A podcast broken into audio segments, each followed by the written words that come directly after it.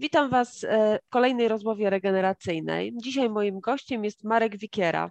Marku, witam Cię bardzo serdecznie. Witam wszystkich bardzo serdecznie. Dziękuję za zaproszenie. Bardzo mi miło.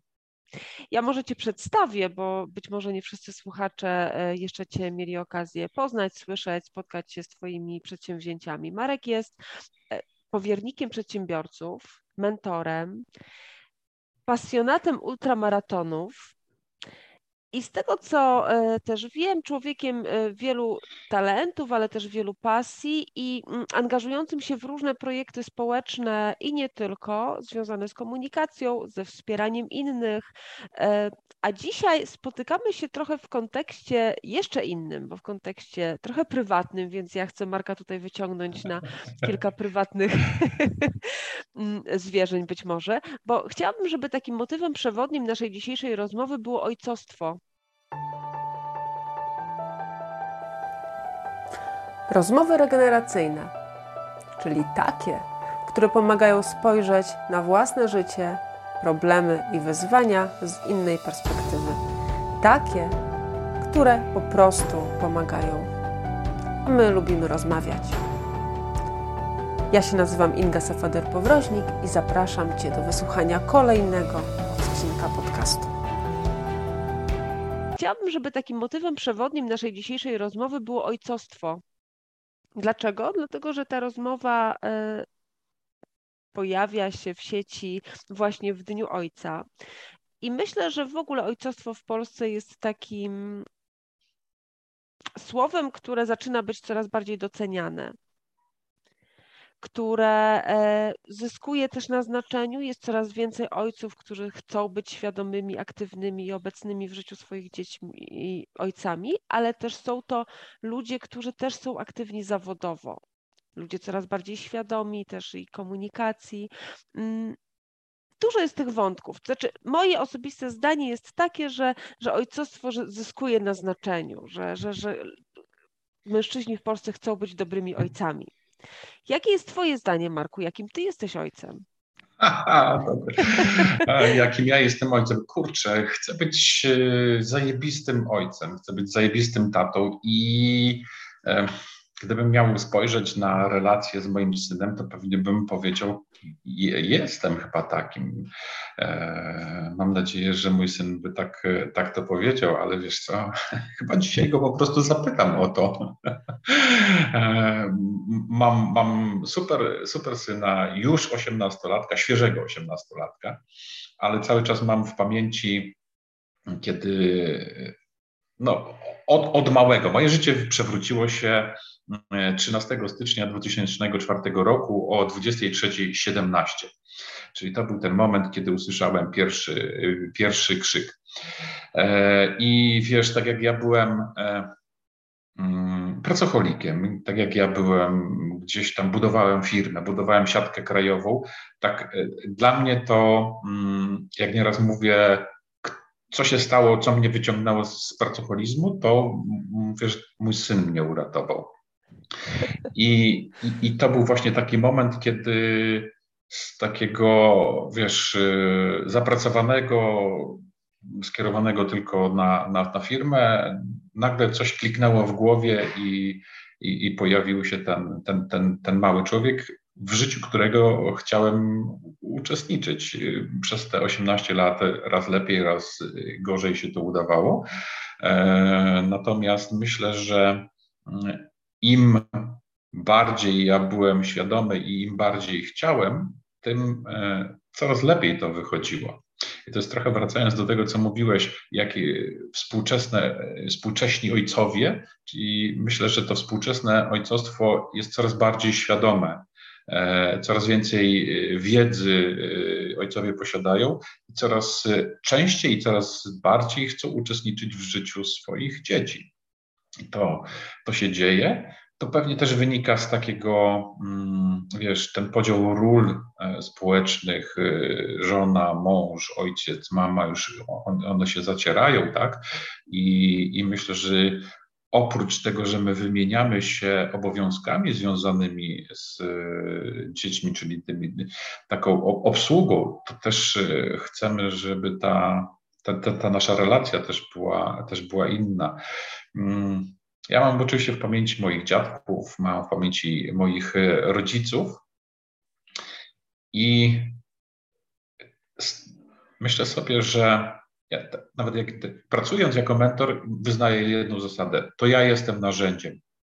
I w przypadku ojcostwa jest dokładnie tak samo. To ja jestem narzędziem, czyli mój sufit jest sufitem mojego dziecka.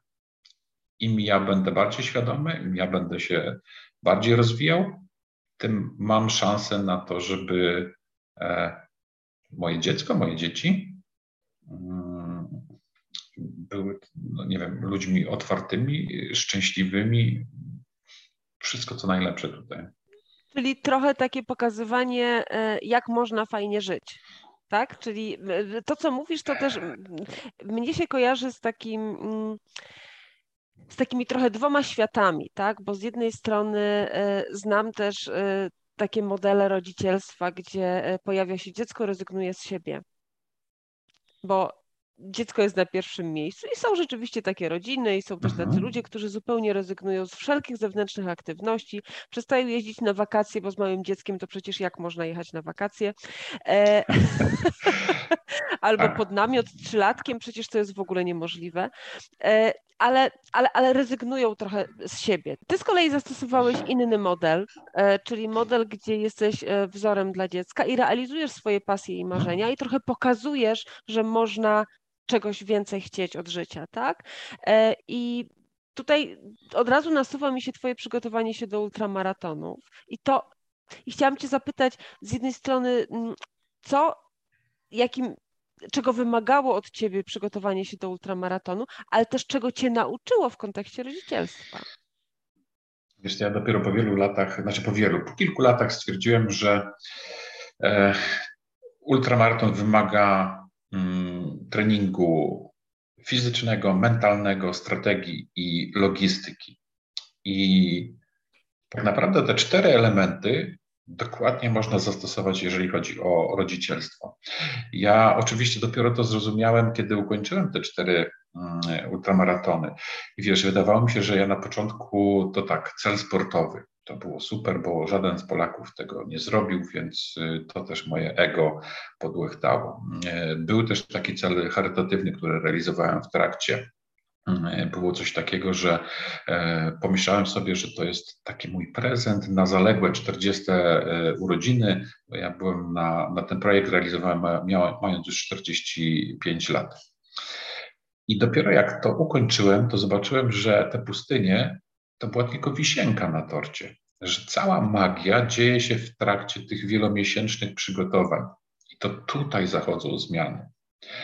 I zobacz, odnosząc to do, do rodzicielstwa, mam teraz świeżo upieczonego osiemnastolatka. I tak naprawdę to jest ta wisienka na torcie moich tych osiemnastoletnich e, wysiłków, E, mniej lub bardziej świadomych. Teraz oczywiście im bliżej teraz jestem, to mam, mam, mam takie wrażenie, że dużo bardziej e, świadomych. E, natomiast po drodze mógłbym zastosować wiesz, te elementy związane właśnie z treningiem fizycznym, mentalnym, ze strategią, z logistyką, po to, żeby dojść właśnie do tego, tego takiego momentu, żeby powiedzieć, kurczę, ja fajnego syna, mam naprawdę E, mądry chłopak, e, otwarty, startujący w nowe życie, startujący do świata. To jest też taki moment, kiedy mm, no ja mówię, że teoretycznie proces wychowawczy się zakończył, tak? Czyli, czyli e, dziecko wchodzi w dorosły czas, w dorosły on się, już dużo, on się już dużo wcześniej zakończył, wiesz, ja myślę, że to jest tak, że teraz to już jest efekt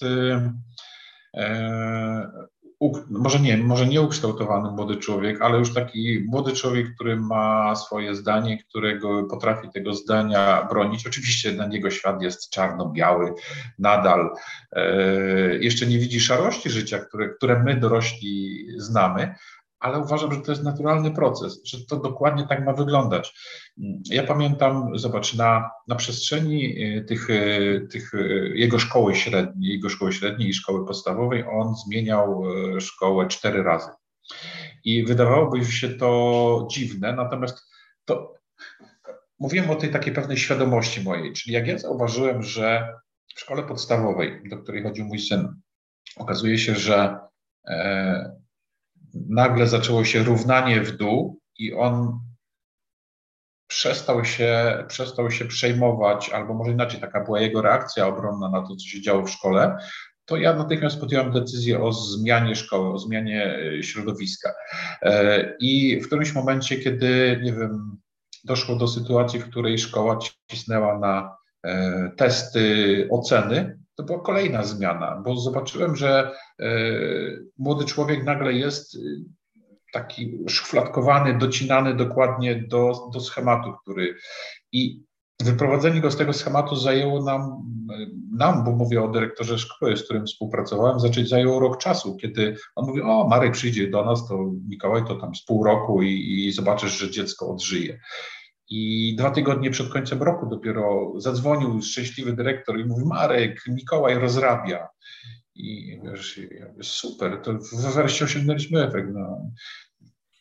I tak naprawdę, wiesz, to było takie trochę świadome prowadzenie, żeby na końcu, jak moja żona mówi, a zobacz, on pyskuje, stawia się. Ja mówię, kurczę, super. Dokładnie o to chodziło. Ma swoje zdanie, potrafi go bronić. E, nie wiem, perspektywa się rozmieniła. E, naprawdę widać zainteresowania. Dziecko się normalnie rozwija. I taki był mój efekt, taki był mój cel, zmieniając po drodze gdzieś tam e, szkołę. Mhm. E, no tak, no ta, ten poziom świadomości na pewno jest bardzo ważny. Ale z drugiej strony, jak mówisz mi o tym, że cieszysz się z tego, że dziecko, że, że dziecko młody człowiek rozrabia, to mm, no to jest ciekawe podejście, dlatego że u nas w Polsce zawsze wszyscy chcą, żeby wszystkie dzieci były grzeczne. Ja osobiście zawsze mówiłam, że chcę mieć niegrzeczne i mam.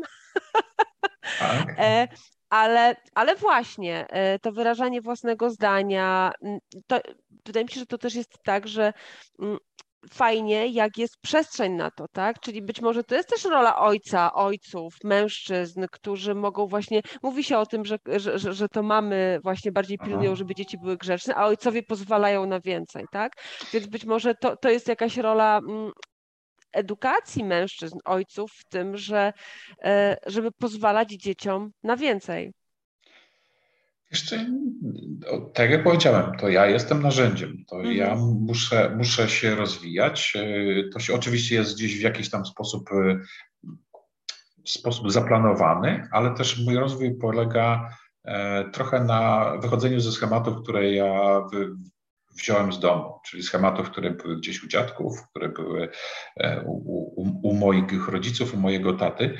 I, I, myślę, że to, jest, to są tylko te dwie drogi. Albo idę tym samym schematem, który, który został mi wpojony, który widziałem, obserwowałem, albo są elementy, które z tego schematu po prostu wyrzucam. Ja to nazywam takimi błędnymi kołami, czyli jeśli uważam, że mm, w mojej ocenie to dla mnie jak na, jako na dziecko źle wpływało, to po prostu je wyrzucam i wprowadzam e, nowy schemat. E, mam coś takiego w sobie, że nie patrzyłem tylko na to, jak moje dziecko, żeby moje dziecko było szczęśliwe, tylko że schemat, którego, który ja zmienię albo złamię, to on będzie miał wpływ na moje wnuki, na moje prawnuki i to może pójść jeszcze dalej.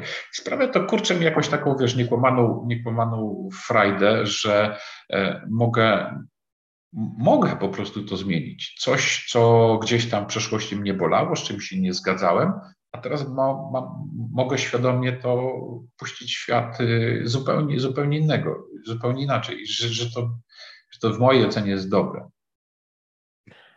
A dzięki czemu to masz? Ha, dzięki czemu to mam?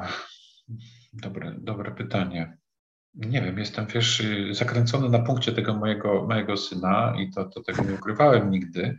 Natomiast y, ja chciałbym, żeby on był szczęśliwym człowiekiem, e, żeby był dobrym człowiekiem, dobrym dla, dla innych, e, a żeby to zrobić, to mm, jest to dla mnie du, duża wartość. W związku z tym e, muszę to zrobić w umiejętny sposób. Gdzieś mam takie wewnętrzną, wewnętrzne przekonanie, że to, to, to jest moim celem, jeżeli chodzi o, o, o, moje, moje rodzicielstwo, o, to, o, o bycie ojcem.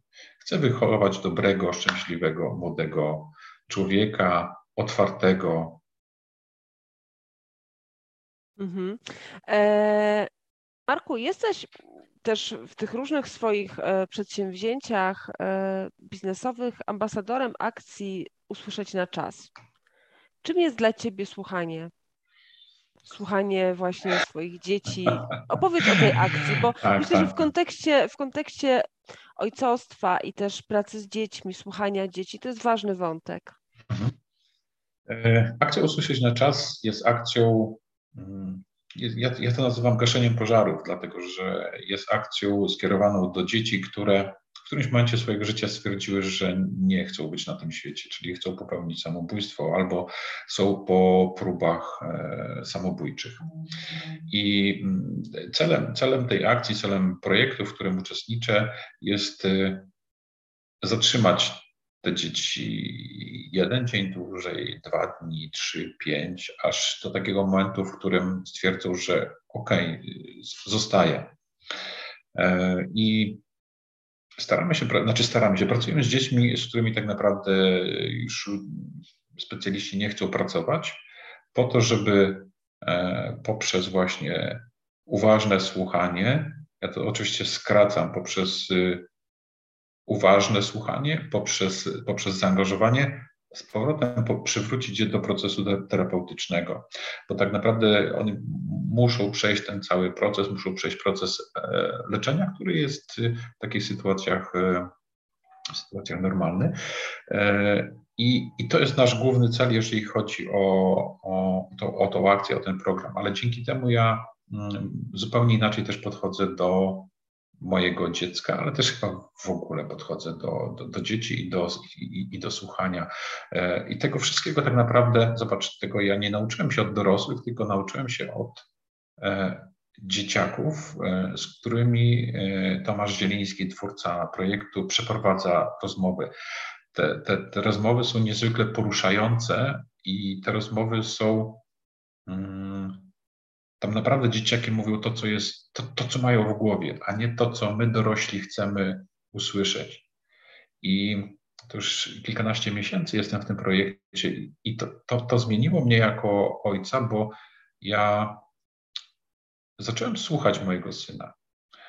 E, a zacząłem od tego, że przestałem mu przerywać. E, przestałem Czyli po, pozwalałem mu wypowiedzieć e, zdanie do końca. Myślę, że, że to nie jest łatwe, bo my dorośli oczywiście mamy rozwiązanie na każdy temat, a ja już wiesz, jako tak siebie postrzegam jako silny facet, y, przedsiębiorca, to już tak powiem, mam odpowiedzi na wiele pytań. Nie było łatwo poczekać, aż syn e, skończy, nie było łatwo mu doradzać bo okazuje się, że te dzieciaki w wielu sytuacjach nie potrzebują porady i, i, i wiesz, e, on przychodził, opowiadał o różnych rzeczach, a ja słuchałem. I niejednokrotnie było tak, że opowiadał o grach, których e, nie rozumiałem, nadal nie rozumiem, używał słów, których też nadal nie rozumiem, ale zacząłem od tego, że po prostu patrzyłem na niego 100% wzroku skierowanego na niego. Mm, starałem się zrozumieć, co do mnie mówi i dopytywać rzeczy, których nie rozumiałem. I, i, i tak naprawdę od tego zacząłem. Te nasze rozmowy potem e, schodziły na inne tematy, e, schodziły też na takie tematy związane z tym, co, co on czuje, jak się czuje. Ale też powiem Ci, że wypracowałem taki swój sposób na rozmowę, bo mm, ja moje dziecko przez cały czas zawoziłem do szkoły. Jeszcze go zawożę. Co w którymś momencie wydawało mi się, e, wydawało mi się, że trzeba mu dać taką swobodę, żeby on to sam robił, żeby się nauczył. Ale potem zdałem sobie sprawę, że w którymś momencie zdałem sobie sprawę, że to jest tak. Jadę 30 do 40 minut w jedną stronę. Mam młodego człowieka zamkniętego na tych trzech metrach kwadratowych w samochodzie bez możliwości ucieczki. Wprowadziłem tylko zakaz używania telefonu przez ten czas i mówię, synek, albo milczymy, albo rozmawiamy. I to było takie nasze miejsce, zrobiło się to takie nasze miejsce do rozmów. I wiesz, ja, ja opowiadam tę anegdotę na zasadzie, że Mikołaj, bo mój syn ma na imię Mikołaj, potrafi przyjść i mówi, słuchaj, a, a dobra, jutro w samochodzie. I, I to się zrobiło takie nasze miejsce, gdzie wiadomo, że to jest w sumie półtorej godziny dziennie. Wyobraź sobie, że sadzasz e, młodego no tak. człowieka przed sobą i zamykacie się na półtorej godziny w y, pokoju i on wiesz, zaczyna z tobą rozmawiać. To jest nie do osiągnięcia, a tutaj odbywało się to w sposób naturalny. Zaczynaliśmy od, od tematów szkolnych, a, a ta rozmowa gdzieś tam sobie płynęła. Albo nie płynęła, albo po prostu milczeliśmy sobie. To jest, do dzisiaj jest to takie nasze miejsce, gdzie wiemy, że my sobie rozmawiamy i, nie zamierzam w ogóle z tego zrezygnować, tak? bo bezcenny to jest czas. bezcenny czas i to jedno z moich narzędzi właśnie e, budowania relacji z młodym człowiekiem. Myślę, że dobra wskazówka właśnie dla, e, dla też innych, e, którzy być może się mogą zainspirować. Ja przypominam sobie też, e, jak jeździłam swego czasu właśnie już z przedszkolakiem moim do szkoły, gdzie, gdzie mieszkaliśmy na wsi, a do przedszkola jeździliśmy jeszcze, no to rzeczywiście te pół godziny w jedną i pół godziny w drugą stronę były takim czasem rozmów, śmiechu, śpiewania na głos, e, ale takich sytuacji, gdzie rzeczywiście jesteśmy razem, bo w domu trudno to osiągnąć i, i, i prawda jest taka, każdy idzie trochę do swoich zajęć. Tak, tak, tak, ale też ten młody człowiek, akurat on jest taki, że ma mocno zaplanowany, więc on już wie, że to jest nasz czas, potem jest y, nauka, jest albo gra, gry, gry i nauka, albo nauka i gry, to już sobie, to już sobie zaplanuje, ale ma tą świadomość, że e, możemy tu porozmawiać i, i, to jest czas tak naprawdę tylko dla nas.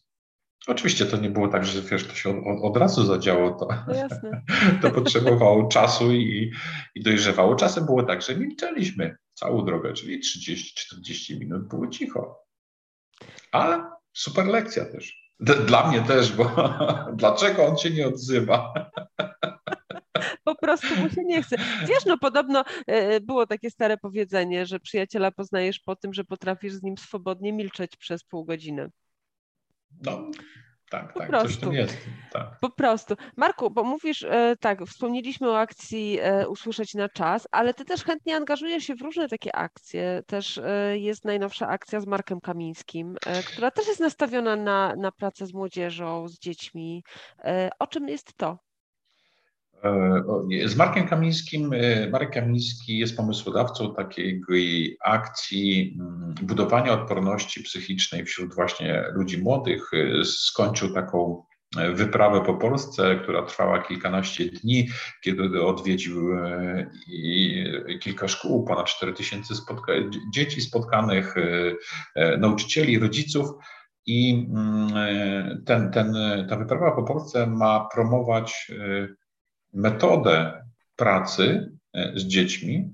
E, metoda, która jest oparta o taką autorską, autorski projekt Marka Kamińskiego, metoda biegun, czyli pięć kroków, e, czyli od, zaczynając od wyznaczania celów, poprzez radzenie sobie z porażkami, poprzez gdzieś tam budowanie siebie, świadomość siebie jako młodego człowieka. Do tego Marek dorzucił aplikację i rozpo, rozpoczyna tak naprawdę rozpoczyna Fundacja Marka Kamińskiego wdrażanie tego projektu. On już jest w kilku krajach też e, poza, poza Polską i marzeniem Marka jest, żeby jeden milion dzieciaków e, pokonało jeden milion swoich biegunów, tak jak Marek był na, na dwóch skrajnych biegunach, żeby, czyli pokonanie czegoś, co wydaje się niemożliwe, żeby też zdobyły te dzieci taki swój biegun odporności. No i oczywiście to jest cała metoda, która przeprowadza przez poszczególne kroki i pomaga towarzyszyć właśnie w tym e, procesie. I wiesz, i dla mnie, dla mnie to, co, to, to jest taka kolejna akcja, którą z przyjemnością wspieram, bo zobacz, e, akcja Usłyszeć na czas dla mnie jest takim gaszeniem pożarów, czyli pracujemy z najtrudniejszymi mm, przypadkami, a e, Marek działa w sferze edukacji. Myśmy w którymś momencie działając w Usłyszeć na czas doszli do wniosku, że podstawą jest edukacja, edukacja rodziców, opiekunów e, i w jakimś sensie też dzieci, bo tu mamy najwięcej, tu możemy mieć najwięcej e, osiągnięć. To jest jedna, jedna z akcji, ale generalnie staram się uczestniczyć w takich wspieraniu odporności psychicznej dzieci, młodzieży, ale też dorosłych. Bo wracając do początku, to rodzice są narzędziami, jeżeli będą potrafiły, rodzice będą potrafili przekazać to dziecku, czyli znowu dzieci będą obserwować, to mamy szansę, że ten nasz projekt usłyszeć na czas, ja chciałbym, żeby on umarł życiem naturalnym, czyli żebyśmy po prostu nie mieli tam roboty. Co oczywiście się nie zdarzy, ale żeby tych przypadków było jak najwięcej, jak najmniej, jak najmniej.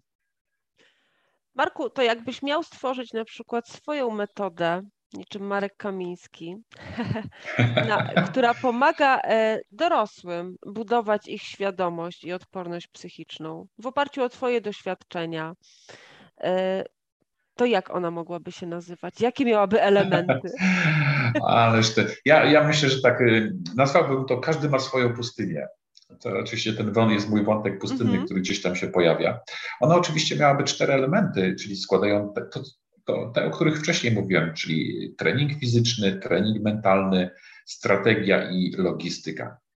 I wiesz, y, trening fizyczny to dla mnie to jest w ogóle to jest dbanie o siebie, dbanie o ciało, czyli mówimy o odżywianiu, mówimy o sporcie, e, dlatego że on będzie fundamentem do tego, co się dzieje w naszej, w naszej głowie. Wiesz, tak jak ja przygotowywałem się do, do pustyń i później po pokonaniu pustyni pytali, pytano mnie, no dobra, ale o czym ty myślisz, y, jak jedziesz? Nie wiem, że jeszcze jest te 250 km do przebiegnięcia, że boli, że coś się dzieje. Wiesz, nie, ja już mam to wszystko przećwiczone w kraju. Ja jadę tylko zrealizować określony cel. Jadę na 6 dni na pustynię po to, żeby przebiec określony odcinek. I to, to o czym mówiłem znowu wcześniej, to wszystko, ja pustynie są wisienką na torcie. Ja się do nich przygotowałem tutaj w kraju. Ta, ta magia zadziała się właśnie w czasie tych wielomiesięcznych przygotowań. I teraz wracając do tego, ten nasz mental, czy mój mental przed pustyniami, ja wyćwiczyłem tutaj poprzez drobne rzeczy. Akurat jestem wokoło wątku sportowego, czyli tak, ja wychodziłem na treningi niezależnie od tego, jaka była pogoda. Czy mi się zawsze chciało? Oczywiście, że nie, ale starałem się pokonać i te, te treningi, w których ja wyszedłem i pokonałem siebie, były dla mnie takie najbardziej e, wartościowe. E, wiesz, tych takich rzeczy, które mogły mi odwieść od realizacji projektu. Najbliższa, rodzina najbliższa, która chciała, więc e, to, to też było jakieś takie ma, małe wyzwanie. Czyli starałem się budować e, moje takie przekonanie, że ja jadę na pustynię, muszę zrealizować określony cel, będę głodny, będzie bolało, będę śmierdzący, będzie chciało mi się pić, ale jadę z takim nastawieniem, że to trwa tylko 6 dni i się skończy. Czyli starałem się tak przygotować do tego, żeby tam na miejscu, żeby już te myśli się po prostu nie pojawiały. I teraz tak, żeby zrealizować tą, tą, e, ten mój projekt, to jeszcze jest oczywiście potrzebna strategia i odpowiednia do tego logistyka. I, i zobacz, no strategia, ja też wychodzę z założenia, mm, moja, moja budowanie mojej odporności. Dlaczego? Cel jest ważny, dlaczego ja to chcę, chcę, chcę robić, tak? E, Y, dlaczego chcę robić? Y, skąd będę wiedział, że na przykład, że to już mam, albo co mi w tym przeszkadza? Czyli staram się sobie odpowiedzieć na pytania, e, chyba to dlaczego jest takim e, głównym, głównym pytaniem. A, a logistyka, to, to nie wiem, zobacz, tak jak w przypadku tej mm, projektu Marka Kamińskiego, jest aplikacja, która w tym pomaga. E, później mo, może być w takim moim budowaniu odporności co, co mogło być? Ja pro, proste rzeczy robię, czyli mm, wiem, przed treningiem. Znaczy, mam wyznaczony plan treningowy. On jest y, wydrukowany. I ja na przykład miesięczny plan treningowy, moim ulubionym zajęciem jest przekreślanie kolejny, wykreślanie kolejnych treningów z y, kalendarza. Kiedy ich już jest kilka, kilkanaście, kilkadziesiąt, to trudniej mi jest y, przerwać. Stosuję proste narzędzia, ale takie y, bardzo małe kroki w tej mojej drodze do budowania. W, w ogóle, wiesz, wychodzę z założenia, pamiętam jak E, pamiętam w czasie rozmów, e, jak trenowałem pływanie lodowe, a, a, a to jest taki też moment, kiedy mówi się o morsowaniu. I, i wiele osób mówi, że tego nie, nie zrobi, i, i wiele osób, z którymi gdzieś tam e, pracowałem, ja ich zapraszałem do takiego małego wyzwania, czyli małych kroków. Mówię, słuchaj, a przez tydzień, 30 sekund, zimna woda e, i tylko polewanie jednej stopy. Okej, okay, dobra.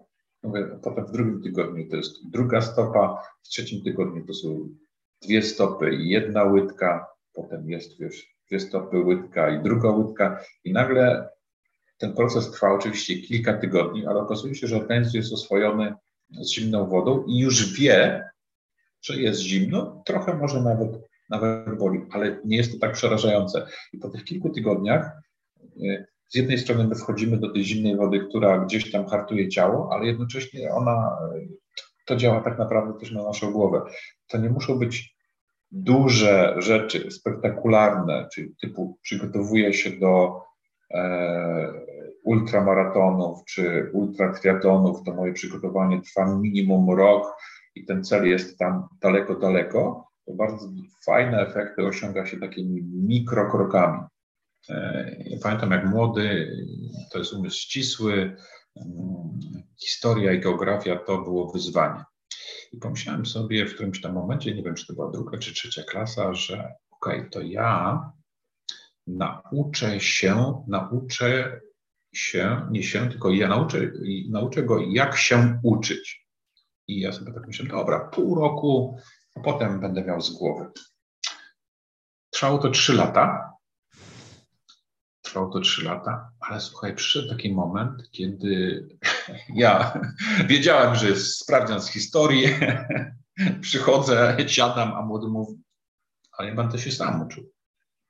I to było dla mnie takim Właściwie to byłem wtedy zaskoczony. Dążyłem do tego, ale wtedy byłem zaskoczony. I od tamtej pory już naprawdę nie siedziałem z nim nad lekcjami, albo sporadycznie się to wiesz, gdzieś tam zdarzyło. A robiłem to tylko i wyłącznie w celu, bo jak zobaczyłem, że on był fizycznie i psychicznie zmęczony po ilości rzeczy, która, do których musiał się przygotowywać, to zaczęliśmy to po prostu dzielić na małe, na małe części. I to było tak, że kawałeczek z jednego przedmiotu, kawałeczek z drugiego, po to, żeby w przyszłym tygodniu zabrać to w całość i żeby to najczęściej się niestety w tej szkole kończyło sprawdzianem. Ale on doszedł do, dla mnie już teraz doszedł do takiej perfekcji, że wyznacza sobie godziny, kiedy gra, a kiedy się uczy. Ja naprawdę od kilku lat mojego dziecka nie gonię do nauki. Po prostu to się dzieje. I on sobie po prostu rozkłada ten materiał na bardzo małe takie elementy, które powodują, że fajnie mu to wchodzi i właściwie to nauczył się sam, sam, sam, sam, sam się uczy. Czyli udało mi się, że tak powiem, spiąć to właśnie w taki projekt y, ma, małych kroków, który teraz zdecydowanie zaowocował tym, że nie muszę uczyć się historii. Czy geografii? Czy geografii? Nie, nie, to potrafi zaskoczyć jeszcze. No. Super. Eee, dużo tu powiedzieliśmy i dużo powiedziałeś takich rzeczy, które, mm, które myślę, że mogą być takim taką wskazówką właściwie do tego, jak, jak żyć produktywnie, bo to też do tego e, nawiązuje, ale też do Twojej roli jako i mentora, i przedsiębiorcy.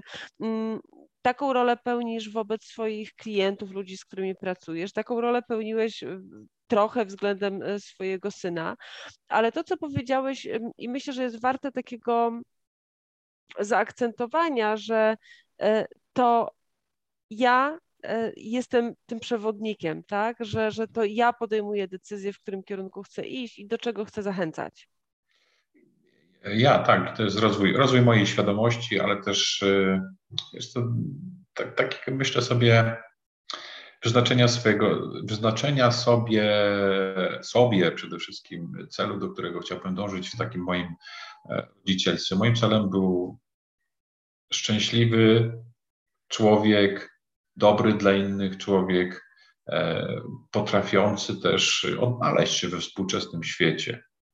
Chociaż to nie wiem, jak ten współczesny świat będzie wyglądał. Na tyle, na ile wiesz,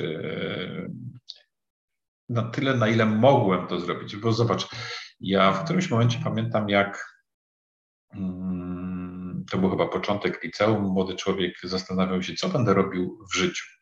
I, i wiesz, przejrzeliśmy listę zawodów i, i, i pokazując różne plusy, minusy i, i, też patrzyliśmy na ten element związany z finansami, pomyślałem sobie, ku, to takim fajnym elementem, czyli dobry haker, znalazłem e, nawet szkoły, studia, które gdzieś tam e, na świecie są.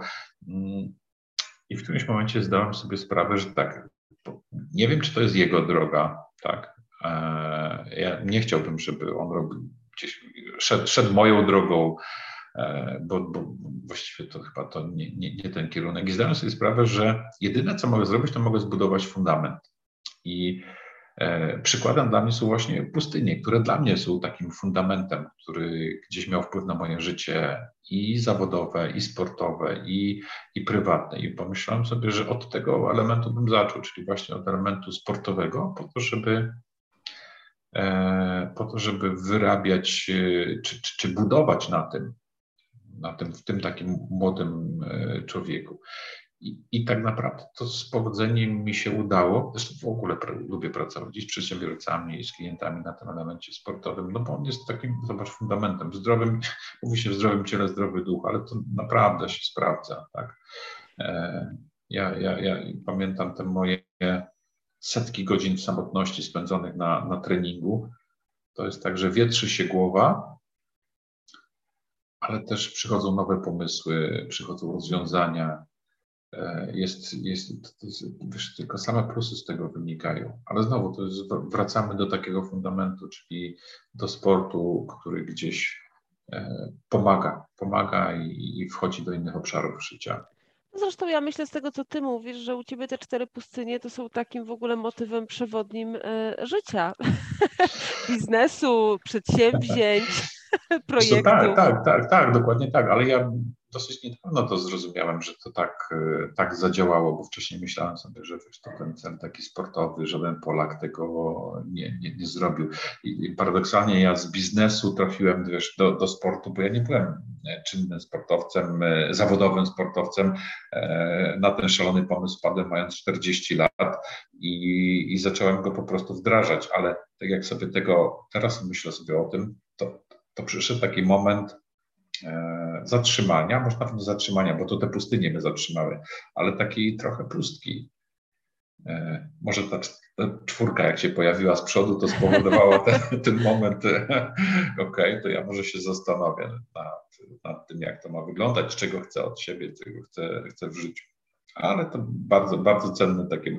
Czasem sobie żartuję, że właściwie to tylko pustynie były, były w stanie mnie zatrzymać i spowodować, że to takie momenty, aha, to, to, to czego ja tak naprawdę chcę. No to być może to, będę, to, to, to był też ten model, model, którego potrzebowałeś w danym momencie i ten moment zatrzymania, moment stop, o którym my mówimy w naszym projekcie Stop Feel Go. Mhm. E, I myślę, że każdy w swoim życiu dochodzi do tego momentu, kiedy potrzebuje się zatrzymać i iść dalej e, w bardziej przemyślany sposób albo bardziej świadomy, mm, bo ten rozwój przecież nigdy się nie kończy. No tak, tylko wiesz, ja na przykład pracując z klientami, mm, w wielu przypadkach pracuję na, na tym elemencie bólu, czyli coś się wydarzyło i to coś ich zatrzymało. I to jest y, sprawy zawodowe, sprawy zdrowotne, i to jest taki moment. W niewielu przypadkach y, to jest taki świadomy wybór. Okay, to ja chcę się rozwijać, zaplanujmy tą drogę, chociaż oczywiście się zdarza.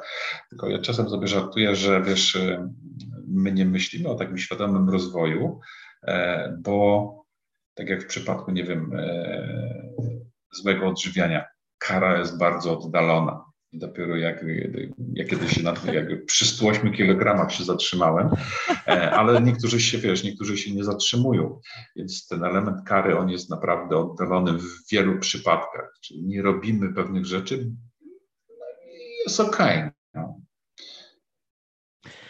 No tak, natomiast życie wymaga też jak gdyby i momentów biegu, i momentów odpoczynku, e, e, i, i ekstremalnych rzeczy, i spokojnych. No tego wymaga też równowaga.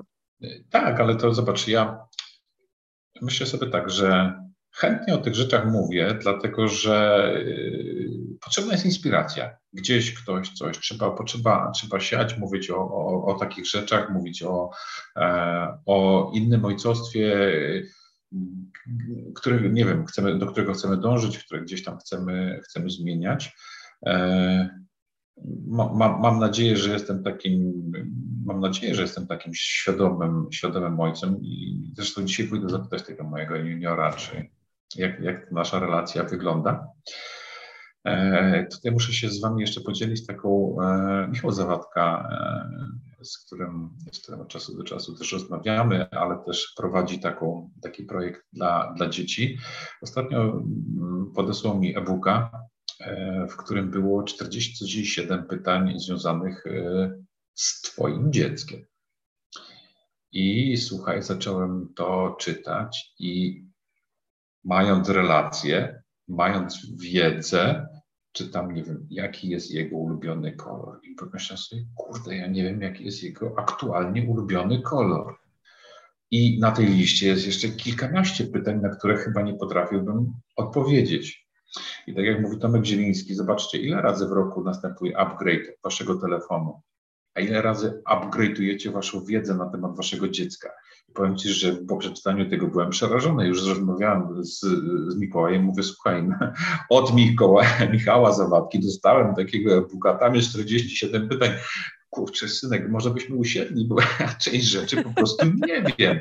On mówi, dobrze, dawaj to, opracujemy to. E, Marku, ja myślę, że to jest doskonałe w ogóle zakończenie. E, I, i myślę, że te rzeczy, które powiedziałeś, będą dla kogoś na pewno inspiracją, bo mm, właśnie a propos ojcostwa, a propos sportu i, i tego, jak żyjemy i tego, że jesteśmy e, wzorem, to życzę też e, Tobie, aby dalej realizować te wszystkie wspaniałe projekty i Twój najważniejszy projekt Ojciec.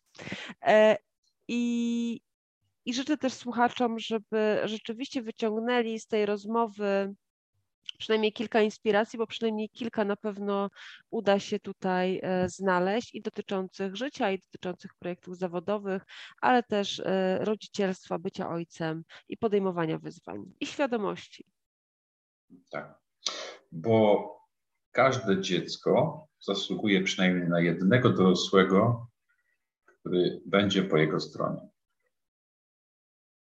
Kropka. Bardzo dziękuję za zaproszenie. Bardzo dziękuję za to, że się tu pojawiłeś i podzieliłeś swoimi doświadczeniami.